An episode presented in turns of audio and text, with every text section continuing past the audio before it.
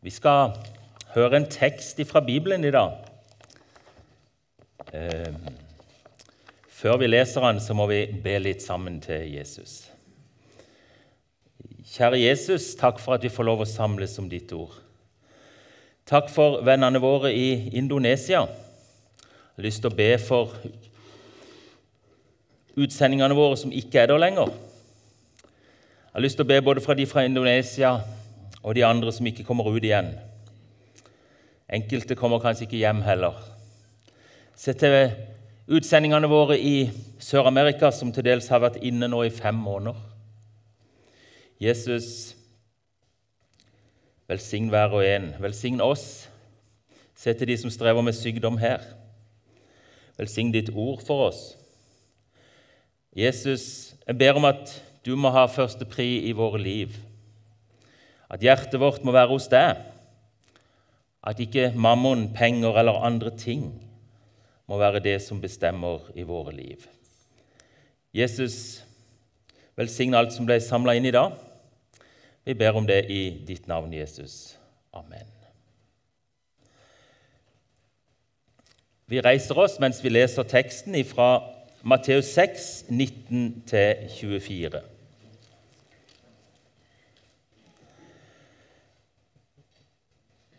Samle dere ikke skatter på jorden, hvor møll og rust tærer, og hvor tyver bryter inn og stjeler.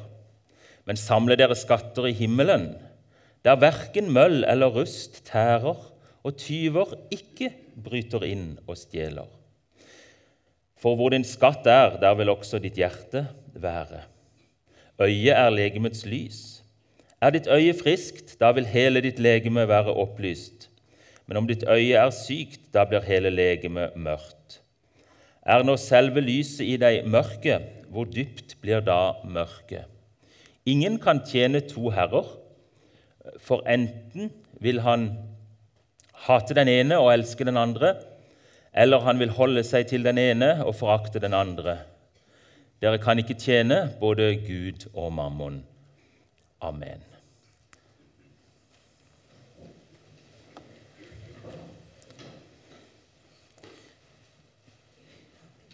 Disse versene vi har lest sammen nå, de er henta fra bergprekenen som Jesus holdt. Jesus holdt den talen for hvem? Primært så holdt han den for sine disipler. For de som vil følge han, for de som vil tro på Jesus. Så betyr det ikke at ikke det er ord som er viktige og gode å ta med seg for alle og enhver. Men aller først så er talen som Jesus holdt, bergprekenen, formaninger, oppmuntringer, veiledning, råd til den som følger Jesus. Den som vil gå troa og kjærlighetens vei fram til saligheten hos Gud.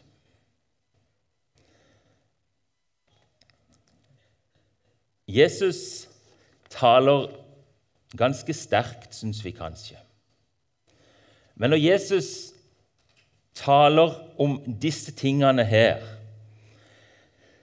så er det faktisk ei kjærlig og nådig disippelformaning. Jesus forkynner oss ikke et absolutt og majestetisk bud. Jesus har utgangspunkt i et majestetisk bud, og det er du skal ikke ha andre guder enn meg. Men Jesus vil at vi skal tenke oss om. Hvor er hjertet vårt? Hvor er skatten vår? For der vil òg hjertet være. Jeg har vært på Evjetun litt nå på UL på Evjetun. Fantastisk å være sammen med 100 ungdom på Evjetun. Og når var det det sist? Ja, Fra 15-16 til 20 år. Så fikk en følge med på UL på stor skjerm. Så fikk en be med en del av disse. Så var det noen av de som sa må da be om at jeg må få ha Jesus i hjertet og følge han. Oi, tenkte jeg. Så fint. Skatten Jesus. Så var det basar på fredag. Ikke på Evjetun, men på UL. På streaming. Vet dere hva de fikk inn? UL Basar. De fikk iallfall inn 400 000. Er det ikke flott? Hvor er skatten da? Jeg syns det var flott.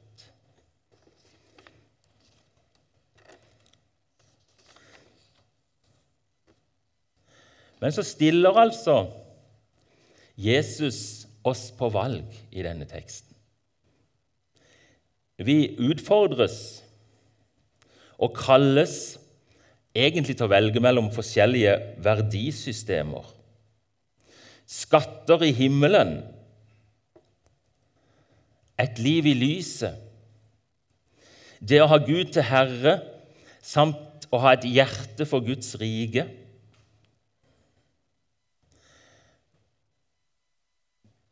Alternativet er et hjerte som knyttes til skatter her på jord. Egentlig leve i mørket.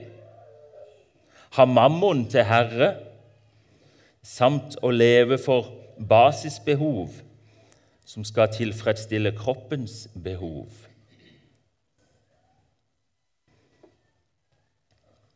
Jeg tenkte på Nå har vi snakka om hva skal vi gjøre med Misjonshuset. Åssen reagerer du da?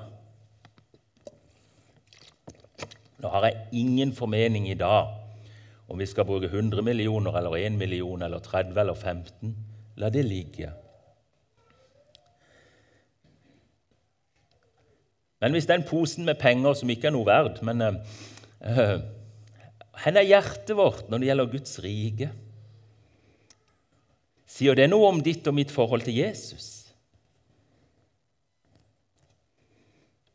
Sier det noe om ditt og mitt forhold til Jesus?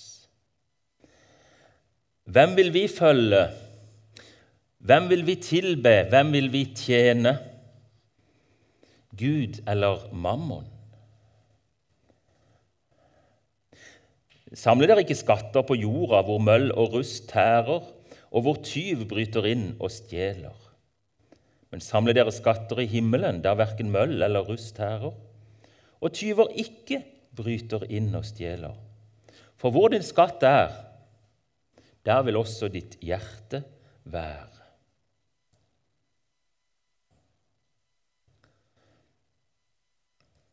Betyr misjonen noe for deg? Våre brødre og søstre som vi nettopp så fra Indonesia,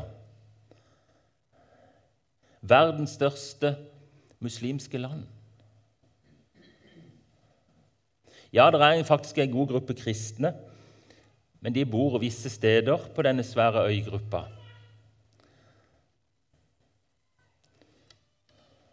Betyr misjon noe for deg? Hjemme eller ute, det skal ikke jeg si hva som er viktigst, selv om jeg har mitt syn på. Betyr naboen noe for deg? At han skal få hun skal få møte Jesus.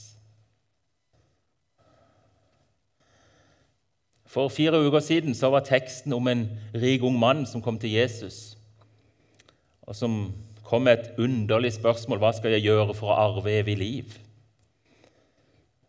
Hvordan kan du arve noe fra en du ikke er familie med? Det syns jeg var et rart spørsmål. Men han hadde levd et fantastisk liv. Men når Jesus sa 'gå bort og selg alt du eier', og gi det til de fattige, og kom så og følg meg, så står det at da gikk han bedrøva bort.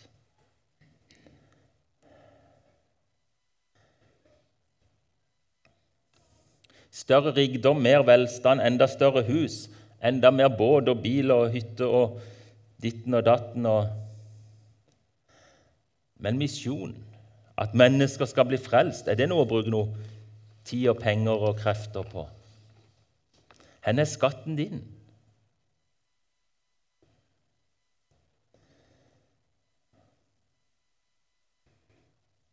Tyver bryter inn, Sykdom bryter inn, kunne vi sagt.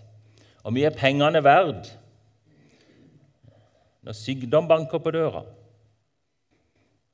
som kanskje ikke velstandslandet engang har medisiner for.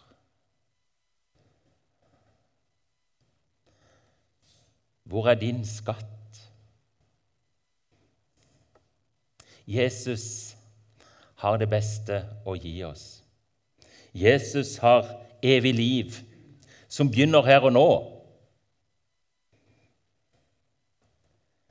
Jesus har det viktigste, det beste og det tryggeste. Skatter som vi samler på jorda, plutselig er det ikke noe verd lenger.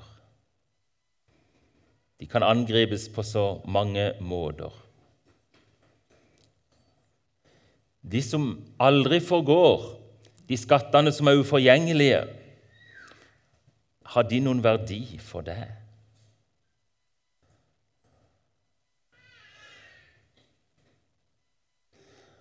Og til samler vi skatter i himmelen? Jo, når vi investerer i misjon. Når vi investerer i at andre skal bli kjent med Jesus, enten det er bønn, forbønn eller tid eller krefter eller penger. Når vi preges i Jesus, i Jesus sitt bilde, når vi utvikler karakterer av Kristus, så blir det økes skatten i himmelen. Så formes hjertet vårt etter, det vi en gang skal bli fullt og helt lik Kristus. Han er din skatt?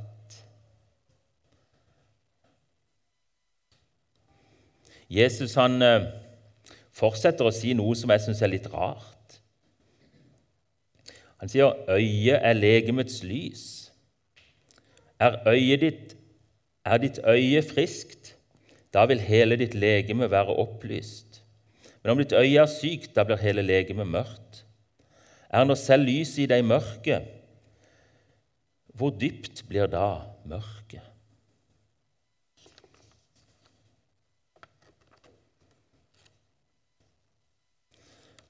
Hva betyr dette for noe? Litt rart, litt underlig.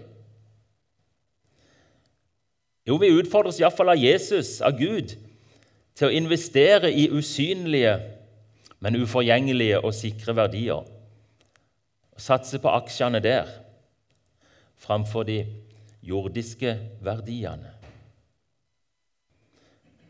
Og så, så, så, så går Jesus videre. Åssen verdier satser dine øyer på? Ah, er det pengeposen? Åssen verdier er det øynene våre sikter seg inn på?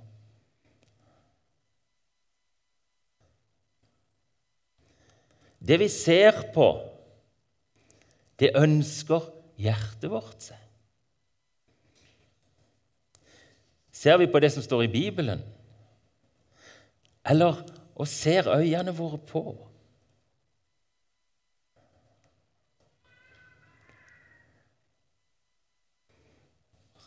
Det avgjør faktisk om det blir opplyst i hjertet vårt, eller om det blir mørkt i vårt indre. Guds verdier, lyser de opp? Et menneske, ja, de gjør det. Eller forblindes vi og formørkes av egoisme og lysten på forgjengelig og jordisk verdi. Sånn sett så kjører Jesus sammen øye og hjerte i, i det han sier her. Det øyet ser på Oi! Det påvirker hjertet. Øyet er jo ikke så stort, eller de to øyene vi har, men har enorm betydning. Det har enorm betydning for hva vi kan gjøre, om øyene våre virker eller ikke. Jeg beundrer de som ikke kan se, og som kan gjøre nesten alt allikevel. Fantastisk. Men i dette bildet så blir det en enorm kontrast på den som vandrer i lyset, og den som lever i mørket.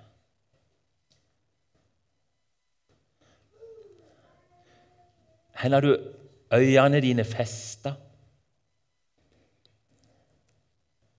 Med blikket festa på hva? Med blikket festa på Jesus. Han som er troas opphavsmann og fullender. Det er hebreerbrevets forfatter som skriver i Hebreerne 12. Den som har tatt imot evangeliet av bare nåde, blitt et Guds barn. Henne fester vi øynene våre på Jesus igjen. Det er noe som vil miste litt av glansen sin når vi fester blikket vårt på Jesus, på det Bibelen sier oss. Misjon, kamp for menneskeverd, hjelp til nødlidende, rettferdig behandling av medmennesker. Det er faktisk verdier som springer fram av blikk som søker Guds verdier. Ha et åndelig syn for Guds evige og himmelske verdier. Øyene våre preges av det vi ser på. Hjertet vårt preges av det øyene våre så har sett. Og så preges livet vårt så lett av disse tingene. Det er klart du kan kjøpe enda mer fordi du fortjener det. Og ja, den nye tingen som er kommet der, ja, du fortjener det. Ja, er det å feste blikket på Jesus? Er du gavmild overfor de som trenger noe? Har du lyst til å dele med andre? Ikke hvis ikke du fester øynene på Jesus.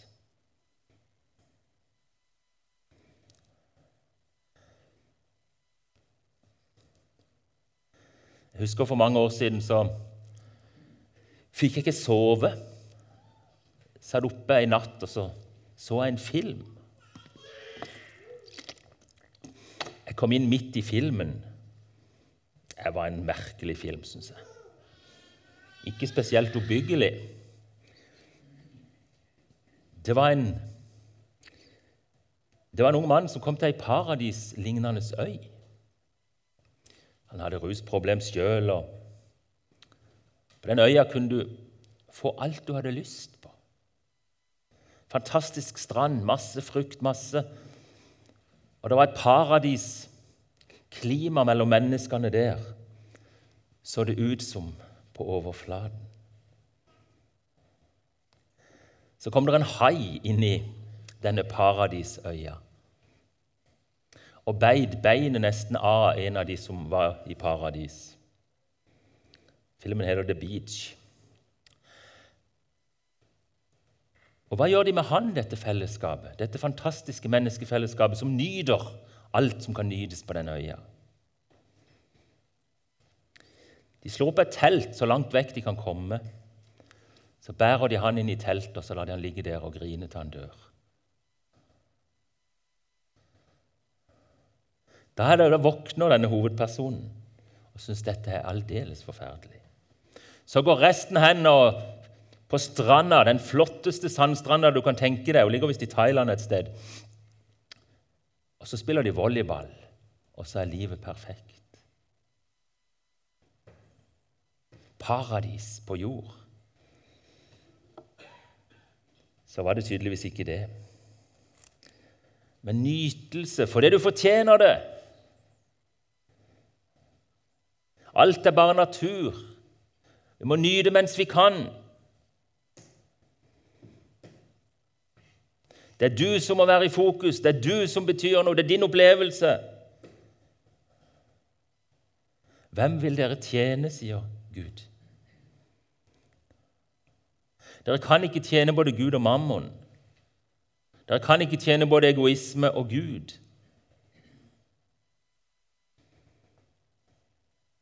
Den rike unge mannen som kom til Jesus Jesus lot han gå. Jesus lot han gå, bedrøva bort. Det sto at Jesus fikk han kjær, men han lot han gå når pengene ble det han valgte. Disiplene til Jesus de valgte å følge han.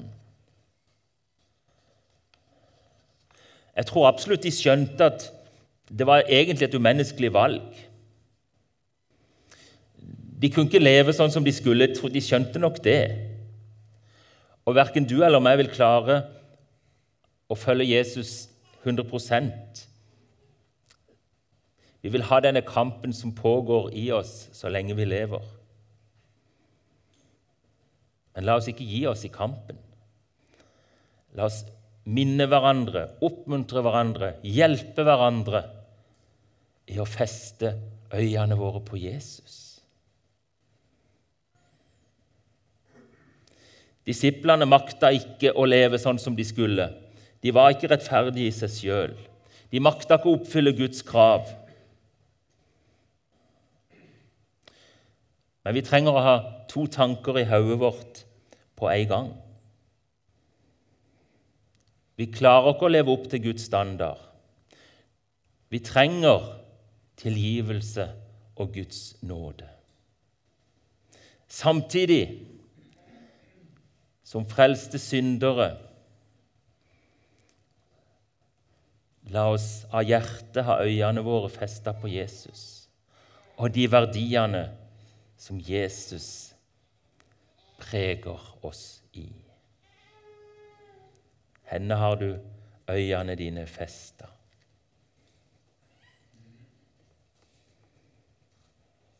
Kjære Jesus. Takk for at dette sa du til dine venner. Takk for at dette sa du til oss som vil følge deg. Du sa det til oss som har fått bli frelst av bare nåde. Så vil du oppmuntre oss til å ha øynene festa på deg, på ditt ord, på det du har gjort. Så vil du la det få prege våre liv. Jesus, hjelp oss, og la oss få lov å bli prega av det. Jesus, takk for at vi har ditt ord. Der har vi en flokk disipler som nok svikta mange en gang, men så festa de blikket på deg igjen. Hjelp oss i våre daglige liv å stadig velge å følge deg og gå med blikket festa på deg. Amen.